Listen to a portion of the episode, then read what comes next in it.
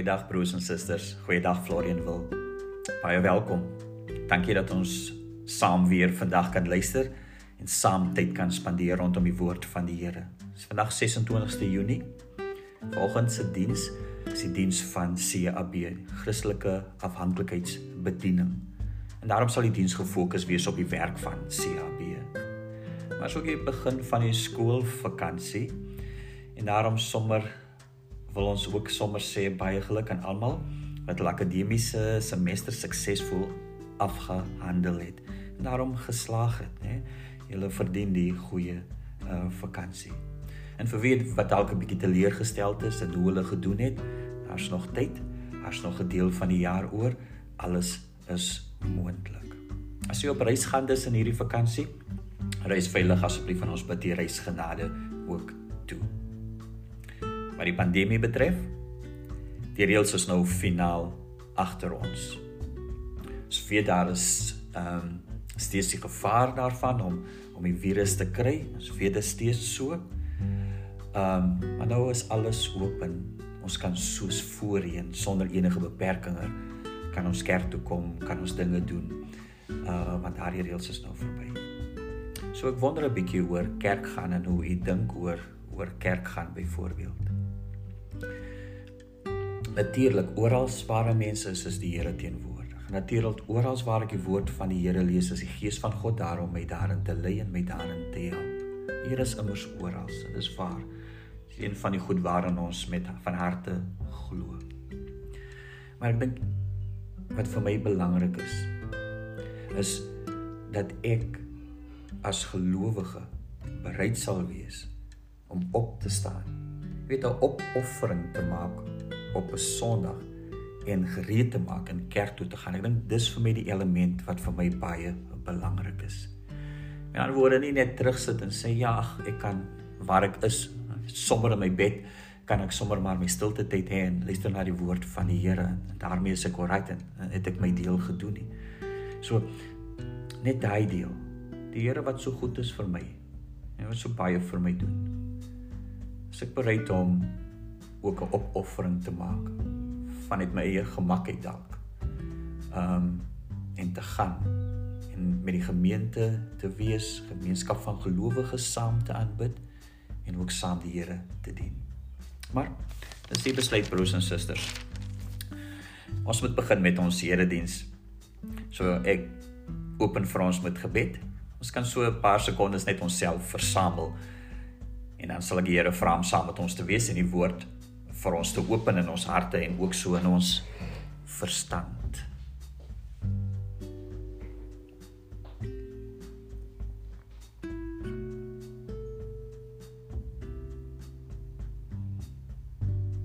Aanbiddelike Heer. Dankie Vader vir hierdie oomblik waar ons ons hoofde kan buig voor U. En is presies Here hierdie houding wat ons moet hê elke dag en elke oomblik van ons lewe. In afhanklikheid van U, in aanbidding van U tot eer en verheerliking van U naam. En nou Hemelse Vader, ons is reg om na U woord te luister. Stuur die lig Vader en stuur die waarheid. Amen. Broers en susters, genade en vrede vir julle. En mag ons so in hierdie oomblikke weer die Here op wonderlike maniere ervaar. Ons teksgedeelte is in Galasiërs hoofstuk 6 vanaf vers 1 tot 5. Nou ek lees sommer van uit die 1983 vertaling uit. U ken die teksgedeelte ook. Die apostel Paulus skryf van die Galasiërs en hoofstuk 6 is dra mekaar se laste. Vers 1 lees soos volg: Broers, as iemand in die een of ander sonde val. Met julle wat julle deur die Gees laat lei, so iemand in 'n gees van sagmoedigheid reghelp. En pas op. Jy kan self ook in versoeking kom. Dra mekaar se laste, gee op dié manier uitvoering aan die wet van Christus. As iemand hom verbeel hy is iets en hy is niks, bedrieg hy homself. Laat elkeen sy eie doen en laat ondersoek. As dit goed is, kan hy daarop trots wees sonder om dit met die van ander te vergelyk. Elkeen sal rekenskap moet gee oor wat hy gedoen het. Is ons teksgedeelte vanuit die 1983 vertaling. Nou vriende, ek dink seker een van die vroegste teologiese lesse. Ag, daar's baie. Maar die wat ek onthou, spesifiek onthou, was nie noodwendig dat ek by die fakulteit teologie daar op UWK geleer het nie, maar was gewoonweg maar net in die erediens gewees. Met om te luister na my dominee terwyl hy preek. En een van die waarhede wat ek vroeg opgetel het, ek het neergeskryf in my Bybel van destyds, was en dit het gegaan oor roeping, is dat die Here roep deur mense. Dis net hierdie hierdie sinnetjie eh, wat die dominee op daai dag gesê het. En hierdie waarheid dat die Here roep deur mense het kalmte gegee vir my oor my eie roeping. Maar jy besef dat gee dat die persone wat die roeping in my lewe gevorm het, dis nou om geestelike leier te wees en 'n predikant te wees, dat hulle deur die Here gebruik was. En dat God gebruik mense. So wat tussen ons gebeur as mense wat tussen jou en ander gebeur, is nie net gewoon menslike interaksie nie. Nee, die Gees is kragtig besig en is daar aan die werk. En daarom in diep betekenisvolle verhoudings groei ons tot beter Christene en tot beter mense ook. So die belangrikheid van mense en dat God deur mense werk het vir my uitgestaan en dis van die vroeg van van my van vroeg af vir my baie baie beteken. Maar ons sien dit ook in die lewe van Jesus. Jesus se spiritualiteit het nie behels slegs die uiterlike nakoming van geestelike dissiplines nie. U verstaan. Met ander woorde, dit het nie net vir hom gegaan dat hy moet bid en moet stilte tyd hê nie en en dat dit alles is waaroor dit gaan nie. Ten diepste het dit vir Jesus gaan oor sy oorheersende liefde vir God. So onderliggend aan sy dissiplines en geestelike dissiplines het die liefde vir God gelê. So wanneer Jesus dus gevra word wat is die belangrikste gebod in die wet, antwoord Jesus in verhoudingstaal. Met ander woorde, hy sê dit gaan oor liefde. En daarom Jesus se taal is die van verhoudings. En Stefan Joubert skryf daaroor en hy sê Jesus se liefde is daarom liminaal, né? Nee? Dis om soos tussen twee wêrelde te wees soos op die drempel te wees en dis waar Jesus Christus is en dis waar Jesus met mense konnek. So daar's nie noodwendig vaste reëls en rituele daar in daai plek nie wat vir jou die pad sou aanwys wat om te doen en wat om nie te doen nie. Maar gelei deur die gees van God is Jesus ehm um, in verbinding met mense, in 'n mooi verhouding met mense. En op hy grens van oud en nuut, van twee realiteite, van op die drempel staan van grense oorsteek is Jesus in mense se lewens betrokke en dis waar Jesus mense help om in 'n nuwe lewe in oor te gaan. Wat Jesus doen ook is om in verhouding te staan met mense en spesifiek op daardie punt hy drempeltye van oorgaan van een na 'n ander. Jy verstaan as die belangrikheid van verhoudings. Die belangrikheid van om in verhouding te staan met mense en dat God ook deur mense werk. Nou, na ons teks toe. Ons teks in Galasiërs. Die brief van die Galasiërs skryf Paulus met 'n met 'n soort van dringendheid. Want die evangelie is op die spel. By die Galasiërs is daar 'n verdeeldheid.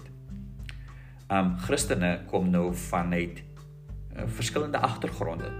Dis nou nie net Jode wat Christene word nie, maar selfs heidene ook het Christene geword. En nou word daar in die gemeenskap van Galate onderskeid getref tussen hierdie mense. En daarom was daar ook nuwe reëls gegee vir mense wat nie Jode was nie, maar vanuit uh heidene nasies oorgekom het om Christene te word. Paulus sê, en dit is van belangrik.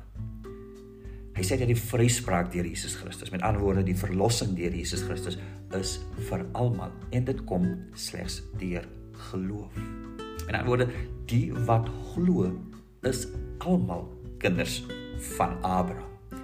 Ehm um, want dis waaroor die stryd gegaan het. Ons is kinders van Abraham, julle is nie en daarom is ons beter en julle nie. Maar Paulus sê almal is kinders van Abraham.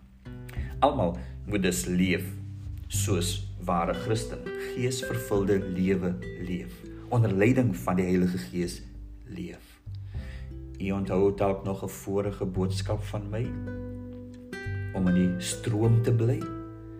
Um en as ons in die stroom bly van die Heilige Gees, in die teenwoordigheid van die Heilige Gees, dan word ons gevorm ware tot ware Christen wees. Um en as dit nie gebeur nie, skryf die apostel Paulus baie dringend. Um as ons nie bly by wat die Gees van die Here van ons vra nie, dan is daar sondige praktyke wat die kenmerk van ons lewe gaan word.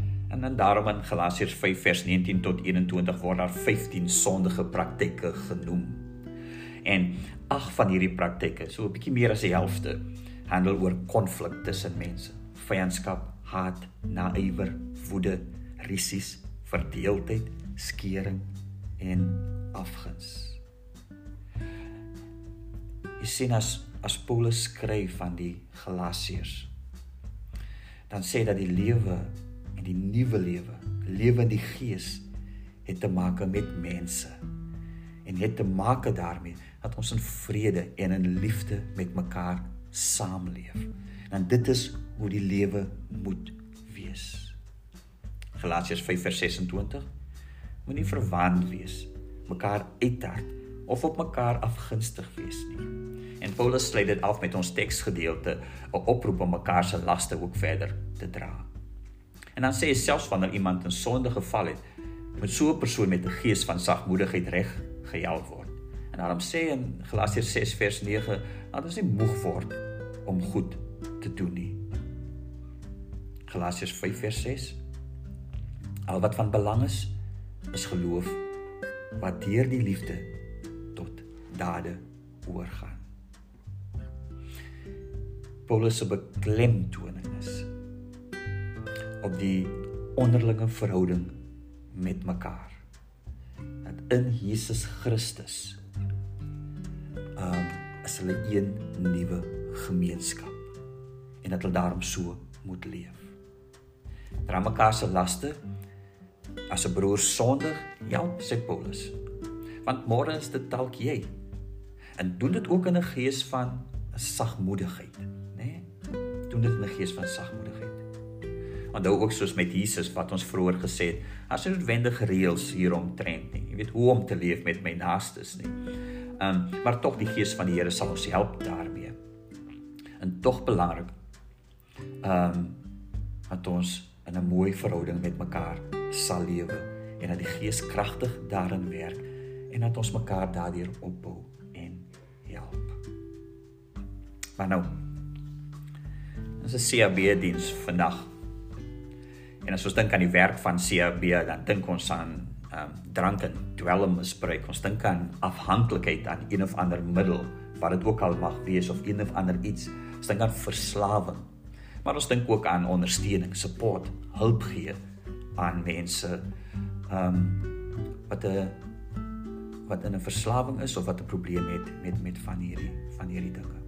So toe lees ek nou maar hierdie week so 'n bietjie. Nou, professor Bruce Alexander sielkundige het 'n eh, wat nou 'n bekende navors navorsingseksperiment is het hy uitgevoer so in die laat 70er jare. En hierdie navorsing word sommer genoem Red Park. Rot Rotte Park. Nou voor dokter voor professor Bruce Alexander dus sy eksperimente navorsing genoem het, was daar alreeds navorsing gedoen uh met rotte deur sielkundiges om uit te vind uh weet watter effek dwelmmiddels op hulle sal hê. So rotte is dus geplaas in hokke. Hulle was in isolasie gewees. en aan hulle is twee tipes water gegee. Gewone water en dan was daar water met 'n dwelmmiddel in. En wat die rotte toe doen in hierdie hokke is is dat hulle hulle verkies om die dwelmwater te drink. Maar hulle verkies dit om dit te drink tot hulle doodgaan daarvan.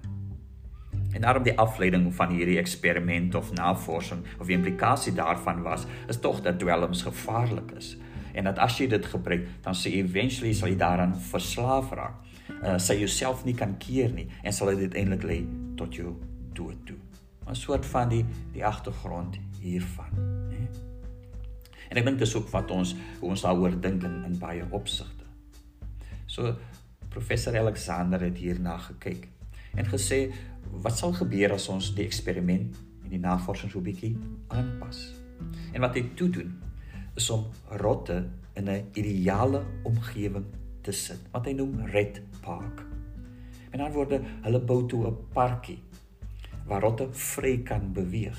Hulle kan speel, hulle kan interact met ander rotte. Daar's genoeg dinge vir hulle om te doen. Daar's genoeg kos. Um en aan hulle word ook hierdie twee tipes water voorsien. Nou die interessante van sy eksperiment is is dat die rotte in Red Park nie die dwelmwater verkies nie. Daar sal soms van hulle sal daarvan gebruik, maar nooit oormatig nie. En daarom was daar ook geen verslawing van die rotte in Red Park nie. Daar was ook niemand van hulle dus dood gegaan ook as gevolg daarvan nie. Hulle het verkies om hulle lewe in Red Park te lei saam met al die ander rotte. Um sonder die invloed van dwelms op op hulle op hulle bestaan. Nou, ek moet sê uiteraard kan ek nie in detail ingaan oor die navorsing nie, want daar's hopeloos te veel en dalk verstaan ek ook nie alles nie. Maar net om soort van op die oppervlakte opmerking te maak. Wat professor Alexander agterkom is dat jou omgewing 'n baie belangrike rol speel. In 1982 is hierdie navorsing gekanselleer. Maar prof Alexander het steeds geworstel met die met sy bevinding en van sy navorsing. Hoekom het die rotte in Red Park nie verslaaf geraak nie? Ten spyte van die feit dat die dwelms altyd beskikbaar was. En hoekom het rotte in hokke wat 'n afsondering was, verslaaf geraak? Ek lees dus die volgende raak. Ehm um, professor professor Alexander ehm um, en hy sê dus what if the difference between not being addicted And being addicted was the difference between seeing the world as your park and seeing the world as your cage. Ja.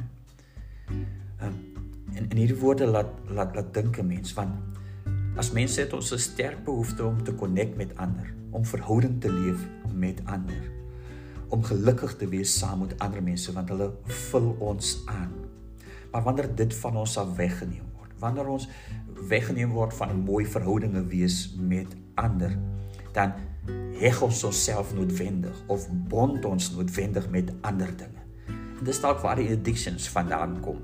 Dinge soos dwelms, 'n uh, um 'n drank, maar meer net as dit dink ook aan mense wat verslaaf is aan shopping, aan verslaaf aan jou aan jou foon, jou mobile device, pornografie, kos, noem maar op. Daar's soveel forme van verslawing as ek dus eers vasgevang voel en en ek het nie die mooi diep verhouding met ander mense nie. Dan vul ek noodwendig daai gaping met iets. En dis um wat ek leer van hierdie navorsing waar my afhanklikheid later van dan kom. Maar wat as die as die lewe 'n soos 'n park is weet mooi is goeie verhouding met mense is? En en ek kan mooi verhoudings leef met ander rondom my en en ander help my. En vanuit hierdie verhouding met ander mense. Ehm um, bly ek weg van dinge wat my kan skade doen. Ehm um, bly ek weg van dinge waar waarvan ek afhanklik raak en help die lewe met ander waar ek tog geluk ervaar en aanvaarding ervaar help dit my om 'n mooi lewe te hê, los en vry van enige afhanklikheid. Die Bybel se oproep dis om mekaar se laste te dra. Die effek daarvan is so groot. Want dan beteken dit dat ek my geloof uitleef presies soos wat Jesus wil hê ek moet moet doen.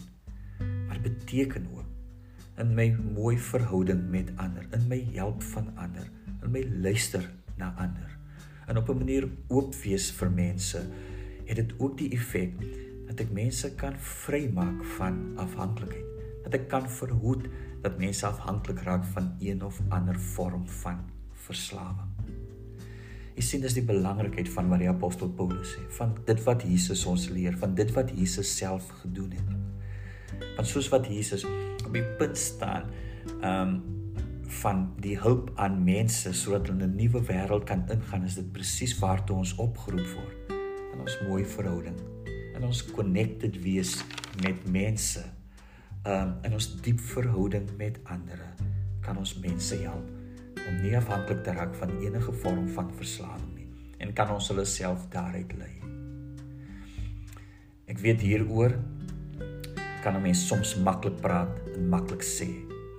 Ek besef ook dat die situasie baie kompleks is. Maar ek wil dit eintlik maar net wat ek geleer het en wat ek verstaan maar net deel. Maar as ons met praat daaroor dan moet ons so maak. As ons nog moet bid daaroor dan moet ons so maak maar die opdrag om mekaar se laste te dra uh verdwyn nie. Uh daar's nie beperkings hierin wat Paulus sê nie. Nee, in geensins nie. Ons bly net daar. Dra mekaar se laste. Op hierdie manier sê die apostel Paulus moet ons nie moeg word om goed te doen nie. En dan sê ook al wat van belang is, geloof wat deur die liefde tot dade oorgaan. Nou kom ons praat nog met die Here daaroor. Kom ons bid nog daaroor. Kom ons doen nog self 'n bietjie navorsing hieroor om te verstaan, Here, wat sê U vir elkeen van ons? Amen. Biddelike Heer. Dankie Here dat ons net kon luister na U woord. Dankie Here dat U teenwoordig is in hierdie wêreld en deur ander werk. En dankie Here dat U kragtig deur ander werk. En dankie Here dat U deur ander vir ons vorm. Dankie Here dat U soos Jesus Christus ons geleer het dat ons uiteindelik Here so connected moet wees met mense dat ons hulle kan help om in 'n nuwe lewe oor te gaan en die Gees sal ons daarmee help. Ons het soveel dinge wat gebeur in hierdie wêreld, Here. Ons het soveel kere, Here, wanneer ons voel dat ons eintlik maar net vasgevang is. En as ons daai gevoel het, Here, dan gryp ons soms na dinge, Here. Help ons om te verstaan. Nie net onsself, Here, maar mense rondom ons. Help ons om te verstaan, Here. Dat ons laste sou dra vir mekaar. En dat ons sou verbind wees aan mekaar sonder enige Hemelse Vader voorwaardes dat jy daardeur nuwe lewe kan laat deurbreek vir. Dankie Vader dat ons kon luister. Dankie Vader dat ons nog steeds vra het en wonder, Here. Help ons Here deur die Gees in Jesus naam. Mag die genade van ons Here Jesus Christus, mag die liefde van God, mag troos en bemoediging van die Heilige Gees ons elkeen se deel wees. Amen.